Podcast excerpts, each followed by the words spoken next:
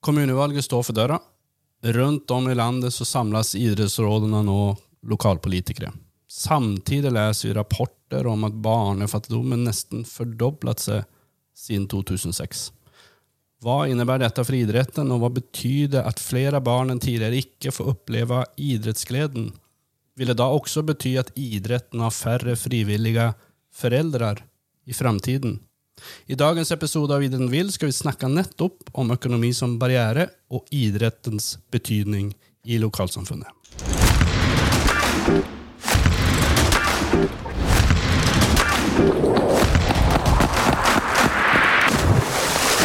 Velkommen til Idretten vil. Jeg heter Johan Konradsson, og ved min side har jeg Finn Aagaard. Hei, hei. Med oss i studio så har jeg og Finn ingen ringere enn selveste idrettspresidenten Zainab Al-Samarai. Og velkommen til deg, Zainab. Hallo, takk. Hallo og takk. Og ved din side så har vi Høyres eh, idrettspolitiske talsperson, Turid Kristensen. Velkommen, Turid. Hei, hei. Og tusen takk for at jeg fikk komme. La oss begynne med det som eh, mange i idretten snakker lenge om, nemlig barn som lever i familier som ikke har så god råd, barnefattigdom, vedvarende lavinntekt eller økonomi som barriere. Eh, Det er også sånn tydelig at eh, et ikke så kjært barn også har mange navn. Turid, når dere var i regjeringen, innførte dere en pilotordning, fritidskortet. Den skrota regjeringen naturligvis ganske så kjapt til, til fordel for en egen løsning, fritidskasser. Forskjellen er egentlig universell løsning eller til de, de som trenger det mest. Men likheten er vel at det ikke er nok penger uansett. Tar en problemet på stort nok alvor? Ehm, Jeg vil si ja og tja, kanskje. Altså, dette er jo noe vi er veldig opptatt av, eh, vi som jobber med idrettspolitikk. Eh, Det har jo vært en utfordring tidligere at det er barn som har stått utenfor eh, pga. økonomiske barrierer.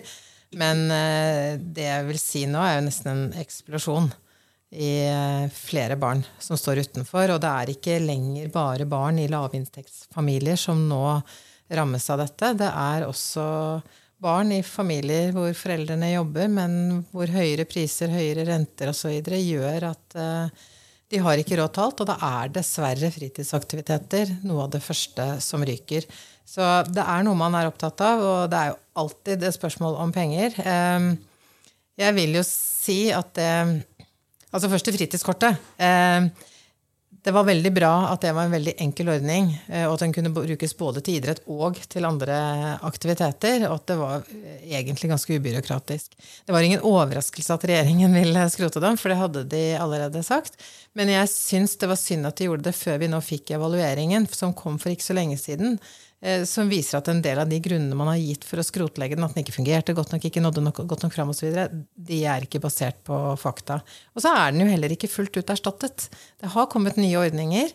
Men det er mindre penger. altså Vi hadde jo lagt inn, altså Det ble et kutt på ca. 400 millioner i utgangspunktet, men vi hadde jo også lagt inn mer året etter. Og, den skulle jo opp i var det nærmere halvannen milliard når den var fullt utryddet, som var planen vår videre.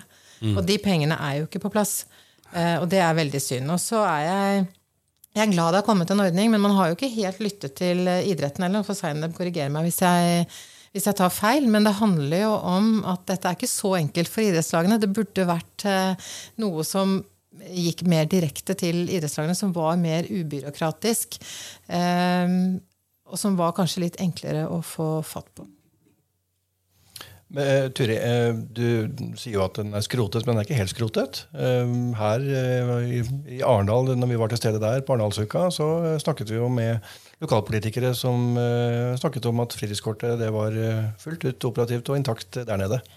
Ja, Det er helt riktig, og det er jeg utrolig glad for. Og det er ganske mange kommuner faktisk som har egne ordninger. Min hjemkommune Lørenskog har det, nabokommuner har det.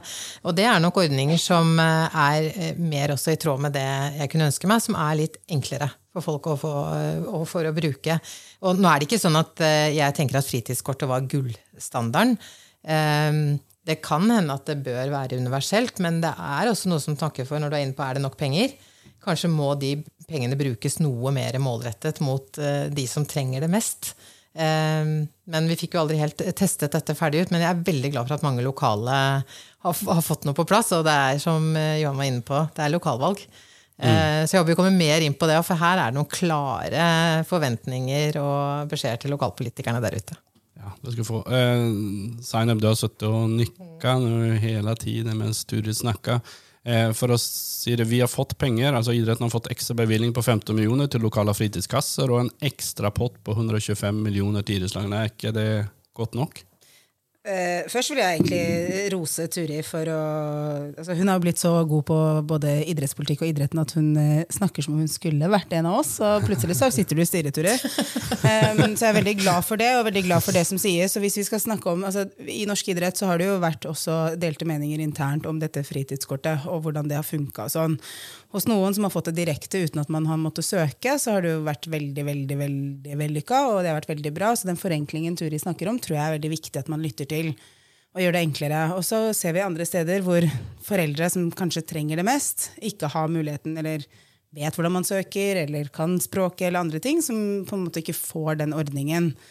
Og når det kommer til de ekstra bevilgningene altså igjen da, det med som, Den nye ordningen, da, det med fritidskasseordningen, utfordringen med det der også er at det må søkes. Vi vet at mange kommuner ikke bruker det og søker. Vi vet at det, ikke, at det er mye som eh, fortsatt kan gjøres bedre, med mer informasjon. Også selvsagt mer midler. Alltid. Eh, for det er løsningen på det, dessverre. Altså, vi får alltid sånn, å, Idretten skriker etter mer penger, men det er dessverre det som på en måte er lø eh, løsningen på den egentlig krisa, hvis jeg får lov til å si det, som vi står i. Og når det kommer til de 125 millionene, som jeg hører at å, dere har fått mer penger mindre, det er ikke friske penger. Ser du her Politikeren driver og rister på hodet. Det er veldig ja. deilig, for det er ikke friske midler. Det er, det er, innenfor samme ramme. Så det er penger som eh, tas fra ett sted og overføres til noe annet. Og det Turi sier som jeg mener er ekstremt viktig, er at det, ja, man har fjerna en ordning som man kanskje mente ikke funka, men man har jo ikke erstatta det med den samme summen på noe annet. Det vi fikk i forrige altså Vi får jo ikke, og det er veldig sånn Jeg føler at det er en ganske stor misforståelse ute i samfunnet. Vi får ikke penger over statsbudsjettet. Norsk idrett. Og vi som er, ja, norsk idrett. Norsk idrett. Ja. Mm. ja ikke jeg og Turi. Eh, vi, får, vi, får faktisk, vi får jo faktisk på et vis, men, altså, nei, men altså, norsk idrett får jo ikke penger over statsbudsjettet. Vi får, altså, Kommunene og fylkeskommunene gir oss masse mer penger enn det staten gjør. Vi får over tippenøkkelen, eh, og det er noe helt annet. Men fritidskassene, det kommer over statsbudsjettet? Ja, men ikke direkte bevilgninger. Det er, jo, det er jo kommunene som må søke om det til fritidskassene. Så det er ikke norsk idrett. Det er jo ikke, det er jo ikke NIF som sitter og får disse pengene. Du var inne på det, Zaineb. Eh, informasjonen ut mm. om disse ordningene er for dårlig. Eh, nå var jo vi på jakt etter lokalpolitikere når vi var til stede under Arendalsuka. Og vi stilte jo spørsmål også om disse fritidskassene. Og da, da, fikk vi store øyne tilbake. Det var det nær sagt ingen av disse partiene som kjente spesielt godt til. Eh, så det, det er jo på mange måter et forbedringspotensial her for å få ut informasjonen og få flere kommuner til å, å søke. Absolutt. Og jeg tror det som er viktig for, for, oss i norsk idrett, er at hvis vi skulle ønske oss noe, så hadde det selvsagt vært midler direkte til oss, og frie midler som vi kunne bevilge sånn som vi ønsket. Men vi vet at det er ganske vanskelig, og det er derfor man på en måte syns at fritidskasseordningen er et godt alternativ, fordi vi ikke får det direkte. Så hvis mm. man hadde fått det direkte til oss, og vi kunne delt det ut til kretsene våre, og de kunne fordelt det der hvor de vet at skoen trykker, så hadde jo det, det er jo det alternativet vi ønsker. Mm. Eh, og så vil jeg gjerne også rose Turi og Høyre, som eh, valgte i sitt reviderte budsjett også å gi penger til idretten eller sitt alternative budsjett i revidert, eh, gi penger direkte på statsbudsjettet. Og det er et veldig viktig signal for oss at eh, politikerne ser at, at tippenøkkelen alene gjør oss altfor sårbare.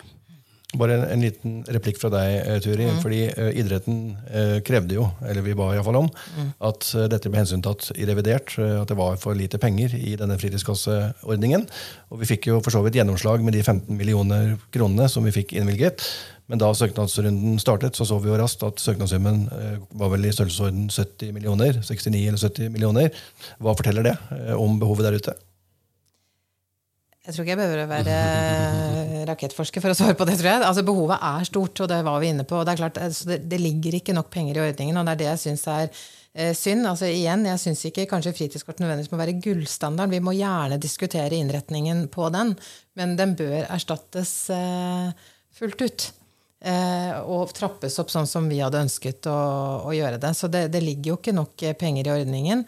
Og så syns jeg det er litt interessant eh, det Seinem peker på også, at eh, når man tar de 125 millionene som ble det ekstra overskuddet av eh, pengespillmidlene, så er jo det penger som man skriker etter også på veldig mange andre sektorer, også utenfor idretten, altså i kultur og samfunnsnyttige formål osv., men også til anlegg og til altså andre av de formålene som står der. Særlig anlegg, så, kanskje? Ja, ja, spesielt er jo den andre store saken vi jobber med. Så det er klart, jeg, jeg, sier ikke at det var feil, for det er et stort behov.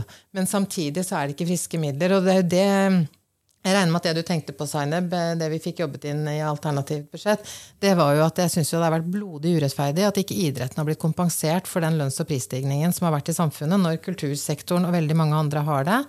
Eh, fordi man peker på at man får penger via spillemidlene, og da kan man ikke gi noe. Eh, utenfor. Det gjorde man under strømkrisen. Det mener jeg også dette er en ekstraordinær situasjon. Og vi kan ikke være så låst til at idretten skal bare finansieres gjennom eh, spillemidlene at ikke vi ikke klarer å se når det oppstår ekstraordinære behov.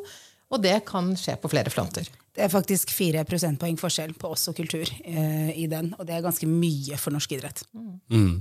Det, det, man har, Jeg har jo at du snakker om penger, det er jo kjempedeilig. Mm. Eh, det jeg, ofte, det jeg ofte hører, er jo at idretten får så mye penger altså fra politikere, mm. så vi trenger ingen mer. Du sier jo egentlig det motsatte, men er det noe som går igjen? Er det en sånn oss fire her i rommet, da, en falsk fortelling at idretten har så mye penger? Mm oss fire her i rommet, liksom. Jeg regner med ja, at dette skal legges de som, de som men ja, de her nei, fire men, er enig. Men, ja. men, eh, nei, men det er noe jeg ofte møter fra de som kanskje ikke jobber så mye med idrettspolitikk. Og det er klart det er mye penger i systemet. Jeg skal ikke si noe annet enn en det. Men så er jo også idrettsbevegelsen en av Norges aller største bevegelser som eh, altså er det 90% av ungdom som er innom i løpet av eh, barne- og ungdomstiden. Altså det betyr så mye. Og også toppidretten. Bare tenk på hvor mange det gleder oss når vi ser Haaland skårer eller eh, eh, Jakob Ingebrigtsen løper inn. Altså, ja, det er mye penger, men jeg tror man innbiller seg at det er mer penger i systemet, og at dermed så må idretten klare å løse problemene selv. Og det er det jeg mm. kanskje tror rammet idretten når man ikke fikk kompensert for lønns- og prisstigning.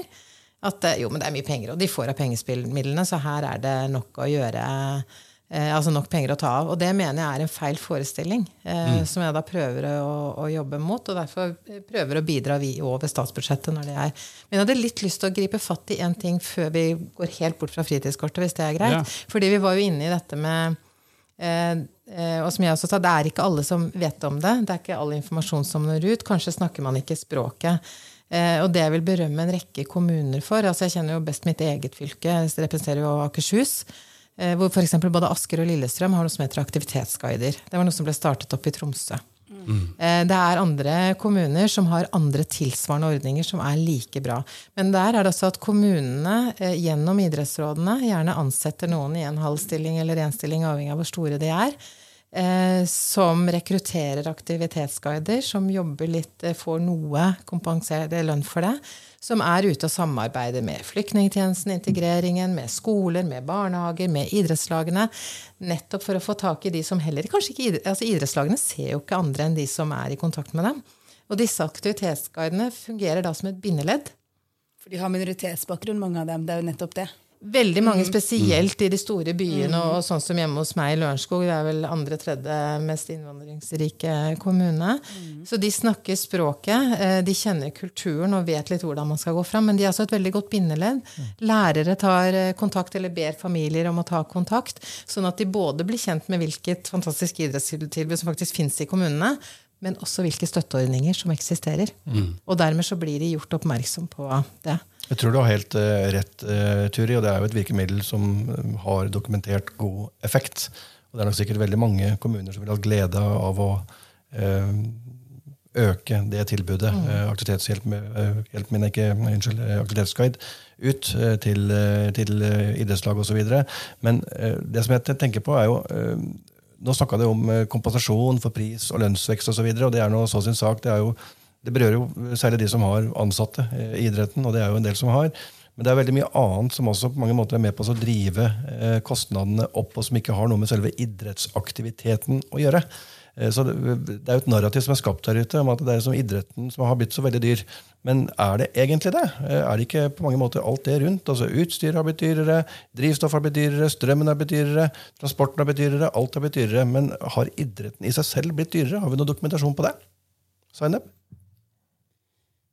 Um, altså, nå har jeg vært eh, mye ute og reist og snakket med ganske mange i de forskjellige idrettslagene. Og veldig mange av de jeg snakker med, har jo ikke tatt opp prisene sine. for å si sånn. Uh, de har ikke økt prisene sine. Det har stått på stedet hvil i mange år.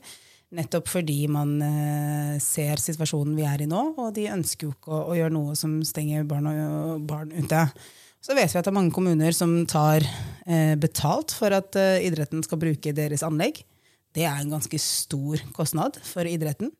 Eh, og ja, du, utstyret er dyrere, men eh, vi har heldigvis fått en trend hvor, eh, hvor det er eh, mer inn å bruke brukt eh, og låne, så det hjelper jo. Det er jo et samarbeid man også har med kommunen og BUA. Eh, som fungerer ganske godt. og så tror jeg det som, det som jeg tror jeg merker meg, da, som jeg, liksom sånn, som jeg har veldig lyst til å hele tiden si imot, er at man skaper et inntrykk av at eh, hele norsk idrett drar til Barcelona på treningsleir når de er ni år gamle. Og det gjør vi ikke. Eh, for det første så har vi en barnebestemmelse som gjør at du ikke kan reise mer enn en time uh, unna mm. der hvor du bor, for å få lov til å drive med aktivitet fram til du er elleve år. Mm. Uh, Konkurranser.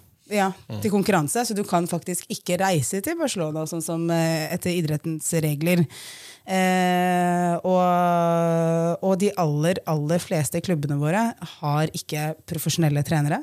De driver ikke så dyrt som man skal ha det til, men det skapes et narrativ om at eh, vi er alle på treningsleir. Gjerne reiser med business class til Barcelona og er der hele tiden. Og det, det skjer, og det er et problem. Det er det. Men det er ikke majoriteten av norsk idrett. Det er Sunn fornuft, stort sett. Rett og slett. ikke sant? vi bor fortsatt i klasserom Eh, problemet er at hvis vi må betale leie for dette klasserommet, så er jo ikke det bra for norsk idrett, for det tar jo også opp prisene. Så det er mye som man kan gjøre for å hjelpe norsk idrett. Og det samme inntrykket føler jeg at man har også for toppidretten vår.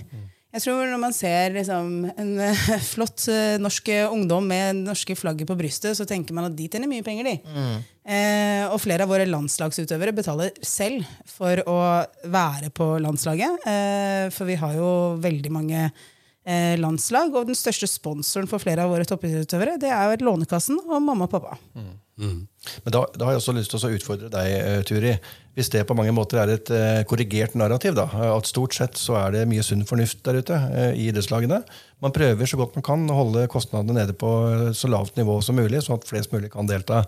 Og så har vi samtidig disse dimensjonene med det vi nå opplever med denne dyrtiden og alt det andre som blir veldig mye dyrere. Da vil man jo oppleve til slutt at det er mange barn og unge som eh, ikke kan delta fordi foreldrene ikke har råd, og at disse aktivitetene kan bli en salderingspost. Og Da trenger vi jo kanskje offentlig støtte og hjelp. Hvordan skal man sikre at disse ordningene ikke medfører et stigma eh, som gjør at eh, mor og far uansett velger å få barna ut av idretten fordi de syns det er en skam å motta disse midlene? Hvordan skal man sikre det? Det må jo være altså Det er der, det er der fritidskortet fungerte godt. Eh, fordi det var universelt og det, alle kunne bruke det. Men igjen, altså, jeg er jo litt skeptisk til å ikke bruke pengene mest der hvor de trengs mest. Mm. Men det må være veldig ubyråkratiske, enkle ordninger. Du må ikke eh, måtte legge fram tre kilo med dokumentasjon og sitte i møter og osv. Altså, det må være enkelt, eh, enkelt tilgjengelig eh, for at man skal kunne nå fram.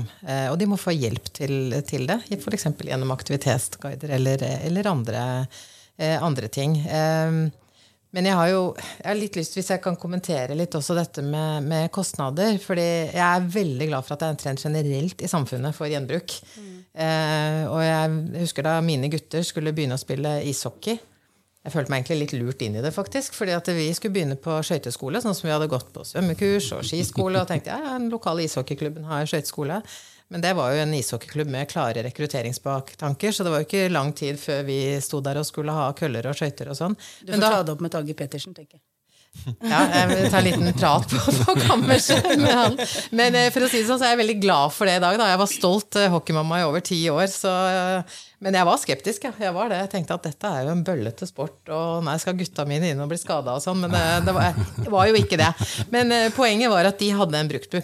lokalt. Og det tenker jeg også at en del idrettslag kan klare å ha. Det var veldig lett å administrere. Vi leverte inn utstyr, og folk fikk eh, kjøpt det. Og så enten så hadde vi donert det, eller så fikk man en liten slant eh, for det. Så, så det er en god ting. Um, men samtidig, selv om jeg tror at de aller fleste norske klubber de drar ikke til Barcelona, de har ikke masse på treningsleire, og det kan være at det kanskje er mye jeg vet ikke, et storbybysproblem eller i enkelte områder. Men det er jo heller ikke til å komme fra, og det merket jo jeg gjennom årene jeg var idrettsmamma, at kostnadene tok seg opp. Og det blir dyrere for eh, idretten å, å drifte. Men foreldre var jo noen av de som pusha dette her i aller sterkest eh, grad. Og det ble et utstyrspress mm. av en annen verden. Som var egentlig helt unødvendig. Og der eh, ja, Dette er ikke reklame, men jeg vil faktisk takke Torså Sport for å holde denne hockeymammaen som ikke kunne noen ting om hockey i øret, som gjerne tenkte at jeg må kjøpe det dyreste. Da. For det gjør jo alle de andre. De sa nei, det trenger ikke sønnen din. Det, ikke, det kan faktisk svekke utviklingen hans hvis han får dyre, stive skøyter. Han trenger å ha sterke ankler osv. Men også jeg følte på det, det, utstyrspresset, og det var folk som hadde dårligere økonomi enn meg. Og det var til og med ofte trenere og andre som var venner med både spillere og foreldre på Facebook som la ut nå jeg bestilt fra USA ny hjelm til sønnen min, spesialdesignet osv. Så, videre. så foreldre har en stor rolle når det gjelder utstyrspress. Eh, men så mener jeg nok også, og det så jeg også gjennom disse årene, selv om dette blir veldig svogersforskning, så har jeg også prøvd å snakke med mange idrettslag og andre det er jo blitt også en trend at man kanskje drar på litt flere treningsleirer, litt flere turneringer lenger unna, selv om man sover på skoler som jeg da ikke mm. syns kommunen skal ta betalt for. Eh, jeg hadde jo alltid med meg en ekstra spiller, fordi foreldrene hans hadde ikke råd. Mm. Det var en fordel. Vi fikk alltid stort, fint hotellrom, så vi var happy for det. Men det er klart, eh, jeg, det er en utfordring jeg har til idretten, at man må faktisk tenke seg litt mer om nå når det er så dyrt med så mye annet eh, om det er nødvendig eh, å gjøre disse tingene. Og i og med at det er lokalvalg, igjen en utfordring til både mine lokalpolitikere, de har hørt det før, mm. men også fra andre partier. Innfør gratisprinsippet for trening og fritidsaktiviteter for barn og unge. Det er ikke en kostnad som idrettslagene må ta, og som så må veltes over på den enkelte. Dette hadde vi i min hjemkommune i Lørenskog i alle år. Eh, det er en kostnad som kommunene må bidra med, og det er et veldig godt bidrag for at idretten også kan få hjelp til å holde kostnadene nede. Her har vi både kommuner og foreldre som eh, de såkalte kostnadsdriverne. Eh, du fikk et, eller idrettsstyret da, Zainab, fikk et oppdrag sist gang vi samles om å kartlegge disse kostnadsdriverne for idretten. Det skal du presentere, eller noen da skal presentere det neste ledermøte. Hvordan er ståa i i den kartleggingen? Vi, eh, vi, fikk jo oppdraget i juni. Um, ja, da, er ikke ferdig ennå? Ikke ferdig ennå. så, så, man uh, begynner arbeidet og skal ja. kartlegge det. Og så skal vi, altså det er jo veldig mye av dette vi har fra før av. Mm. Um, så det å bare samle det og se hvordan det er, og se hva annet vi trenger. Og så er det jo kanskje noen andre ting vi trenger å finne ut av.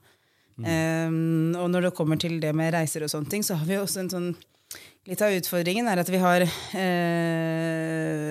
Vi vet også at hvis, når man får lov til å få de opplevelsene med reisende og ligge på et dårlig underlag i en gymsal eller eh, klasserom, og sånne ting, så gjør det at du er med lenger i idretten. Ja. Og når vi ønsker også å forebygge frafallet, så står vi liksom noen ganger i et sånt dilemma. Eh, for du vil så gjerne holde prisene nede. Og så vil du også samtidig gi disse barn og unge de opplevelsene som jeg husker fra min oppvekst. Altså det, jeg husker fra Norway Cup da jeg var med, var jo ikke nødvendigvis um, eh, Gullmedaljen jeg tok. Eh, det var, ja, det var det, Jeg husker liksom at vi hadde med oss en sånn boomblaster. Jeg husker musikken vi spilte. Jeg husker hvilken sang det var vi varma opp til. det er liksom de minnene du har. ikke sant? Jeg husker jo da vi var på Elverum Cup, og at vi bråka hele natta. Og det var et mirakel at vi vant, fordi vi var jo så slitne. Og det er litt av det som gjorde at man fortsatte å være med. At du hadde den vennegjengen hvor man fikk lov til å dra på tur og sånn. Så vi må på en måte finne en balanse som gjør at vi klarer å gjøre det billig, men at man også får de opplevelsene som er det kule med norsk idrett. Fordi det, det som er helt fantastisk med vår bevegelse, er jo det at man skal liksom sånn du, du har det gøy, du er med i et fellesskap, og så er, kommer liksom det der med konkurranse og seier og liksom gullmedalje litt senere. Mm. Eh, så, så, det er liksom min bekymring med å sette helt rammer for det, er at vi mm. fjerner også det det som er det Det må være da. balanse mellom gledesdrivere og kostnadsdrivere. er Ja, for vi ønsker jo at de skal fortsette å være i idretten, ikke sant? Det er jo, og det gjør dem jo når de har det gøy. Nå kommer du egentlig bare inn på et eksempel Seine, med idrettens samfunnsrolle. Ikke bare i forhold til folkehelse, men også det å bygge gode lokalsamfunn. Det å bygge gode fellesskap. Uh, Turi, vil, vil dette bli løftet opp som en eh, viktig valgkampsak for dere til stortingsvalget 2025? Idrettens rolle og betydning, ja. ja. Så lenge jeg sitter i komiteen, så kommer jeg til å pushe hardt på. Nei, men dette er eh, Altså, jeg kom rett fra en debatt om eh, frivilligheten, og om frivilligheten er eh, fri osv., eh, som jeg syns er en viktig verdi, både for frivilligheten generelt, men også for idrettsbevegelsen. Eh, men den betydningen eh, dere har, eh, og som frivilligheten generelt også har, altså som, det er faktisk en sånn grunnstein i lokalsamfunnene våre. Det betyr så mye.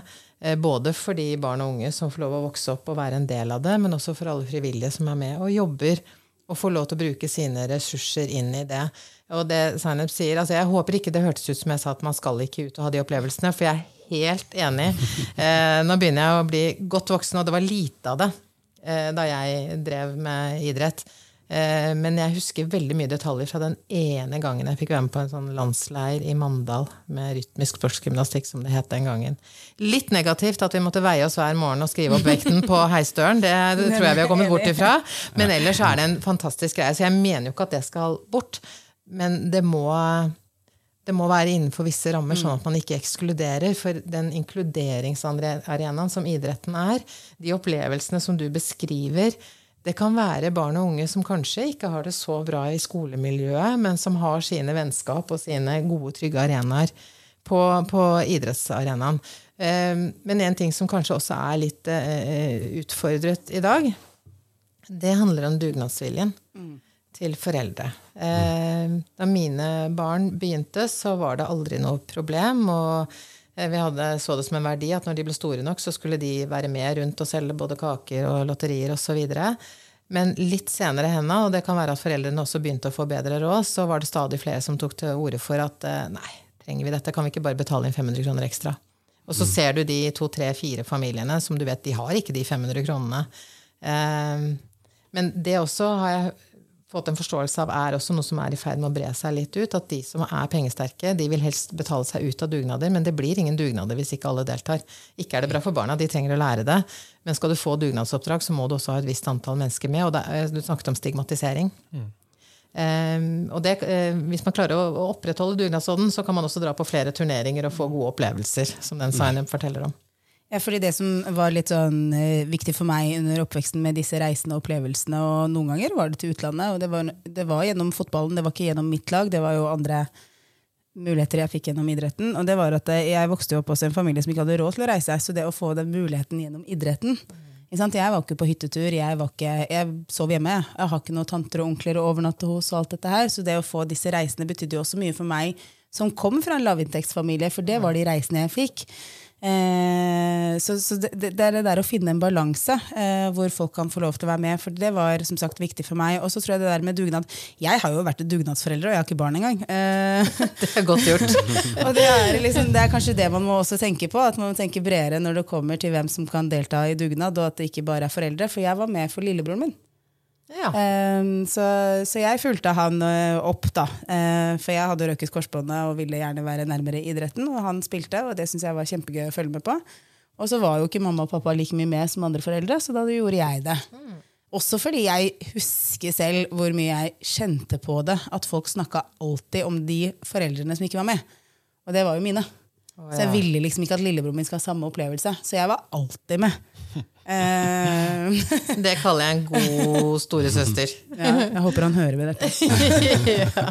Jeg tror vi alle er enige om at vi også har utfordringer, store utfordringer innenfor frivilligheten. og Det kan også bli et uh, eget tema ved en senere eh, anledning. og Det er masse å snakke om der også.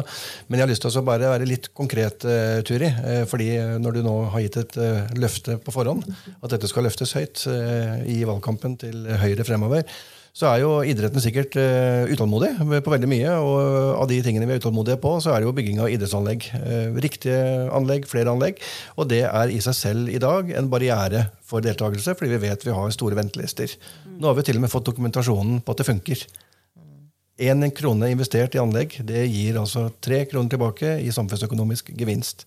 Hva tenker eh, du, Turi, og Høyre om det, å bidra til at vi får det anleggsløftet som eh, idretten så sårt trenger? Altså, det, var jo, det, var, eh, det, var jo noe som var prioritert da Høyre satt i regjering. Eh, også før jeg kom inn på Stortinget i 2017. Eh, å få gitt mer penger gjennom det som det offentlige kan gjøre for å få gjort noe med anleggsetterslepet. Jeg har fulgt den prosessen så godt jeg kan fra utsiden. Eh, med den anleggsstrategien som regjeringen jobber med. Ehm, jeg har vært i kontakt med NIF eh, i forbindelse med det arbeidet dere gjør. Prøvd å lese dokumentasjonen som dere eh, har lagt ut offentlig, og vært i møter. Det er ikke en enkel sak. Jeg kan dessverre ikke sitte her og love nå at hvis vi kommer i regjering, så skal hele etterslepet være borte i løpet av kort tid osv. For det er ganske mye penger det handler om. Ehm, men jeg mener at vi må ta noen grep, og det opplever jeg at idretten også tenker for å få bygget flere anlegg, der, men også der hvor behovene er størst. Jeg er veldig spent på hvordan vi skal få det til. For det handler om at da må vi prioritere. Både dere som idrett og vi som politikere. Og det er ikke så lett når man kommer ned Én ting er å si det, at nå er det, vi har mange fotballbaner, vi mangler sånn, eller vi mangler flere kunstgressbaner her og der. Men når du kommer ned til fylke- og kommunenivå, så er det en vanskeligere sak. Så jeg er veldig spent på om vi skal klare det. Eh, men at eh, hvis vi skal klare å nå de målene vi har for idretten, at dere skal kunne ha den samfunnsrollen dere har, eh, og ha et tilbud til de barna og unge som ønsker å delta, så er det jo ingen tvil om at vi må få bygget flere anlegg eh, bredere. Så er det jo litt eh, ulike utfordringer. Altså i eh, Oslo og i større byer så er det jo arealknapphet eh, som er en utfordring. Og det er også stor slitasje og bruk av anleggene. Så jeg er også veldig glad for at man nå ser på pengespillordningen. Eh, vi har jo sagt at vi må se på jeg skal ikke komme inn på kunstgress og alle de utfordringene som er der. for Det, det er virkelig... Det er også et eget, uh, en egen, et, egen, episode. Ja, riktig. Jeg skal ikke ja. komme inn på den. Men det er klart, eh, vi ser allerede i dag f.eks. i Oslo og andre store byer at slitasje gjør at man må skifte dekke oftere enn hvert tiende år. Kanskje er det andre kriterier som må ligge til grunn.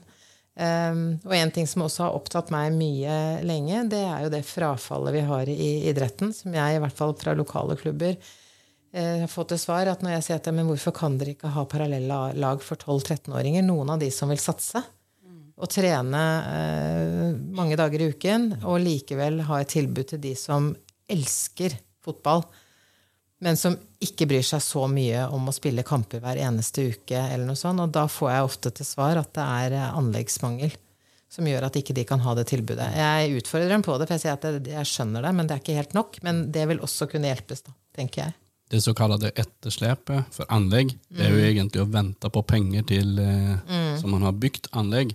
Eh, det viktigere er jo den mangelen på anlegg, for man kan jo slutte å søke på å få de spillemidlene til anlegg, så blir etterslepet null. Ja, det så vi jo nå. Ja. Eh, bekymringsferdig ja. få eh, færre søknader. Men det er jo de køen på utsida av anleggene som ikke eksisterer, som er problemet. Mm. Eh, Zainab?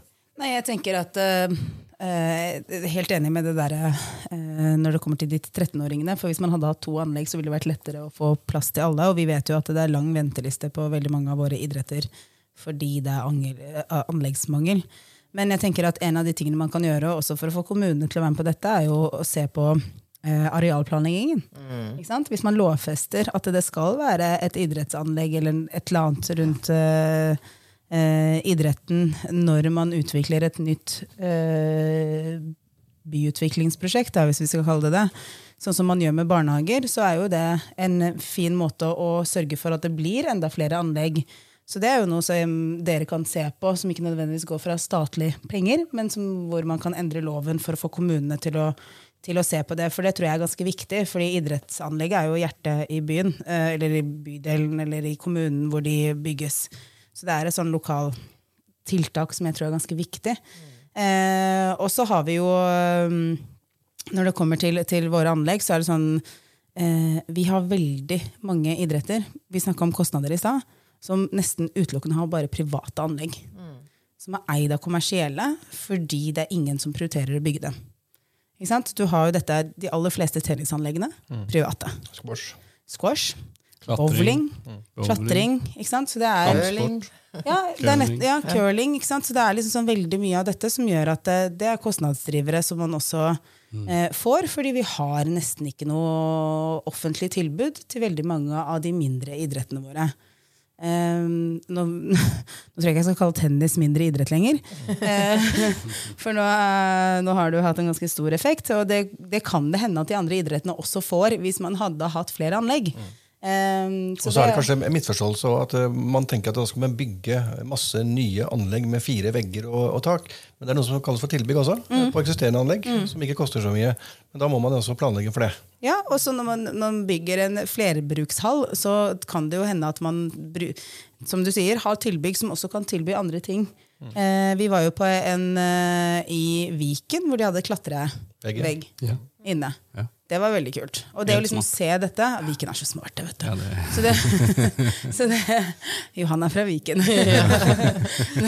Finn nå. ja, det, Opprinnelig. det, det, er kun du, Zainab, som ikke er det.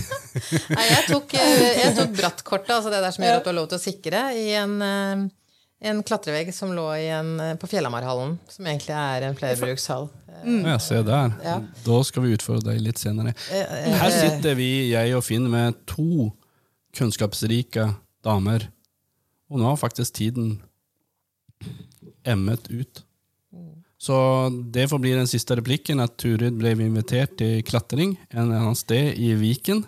Jeg tuller med det. Vi kunne ha tatt deg med på fallskjermhopping, så jeg syns du kom ganske håper heller for seg med å klatre akkurat nå. Er det sant? Oi, ja, da blir du Nei da, alt, alt det er gøy. Ja da, nei da. Jeg skal møte Luftsportforbundet i morgen, så jeg skal nevne det for deg.